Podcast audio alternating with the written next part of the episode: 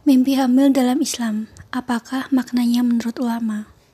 Hamil atau mengandung calon bayi adalah suatu hal yang diidam-idamkan oleh pasangan suami istri, apalagi oleh pengantin yang baru menikah dan belum memiliki anak.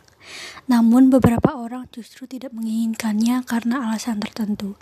Bisa jadi karena sudah cukup banyak memiliki anak, karena alasan kecantikan dan lain sebagainya. Umumnya kehamilan adalah simbol kebahagiaan itu jika benar-benar terjadi di dunia nyata. Lantas bagaimana jika kehamilan itu terjadi dalam mimpi kita, atau kita melihat diri kita atau orang lain dalam keadaan hamil?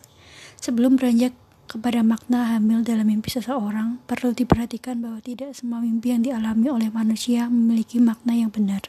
Sebab dalam Islam, mimpi sendiri terbagi ke dalam tiga kategori. Pertama, mimpi yang berasal dari Tuhan atau al-ruqyah minallah dan inilah mimpi yang benar.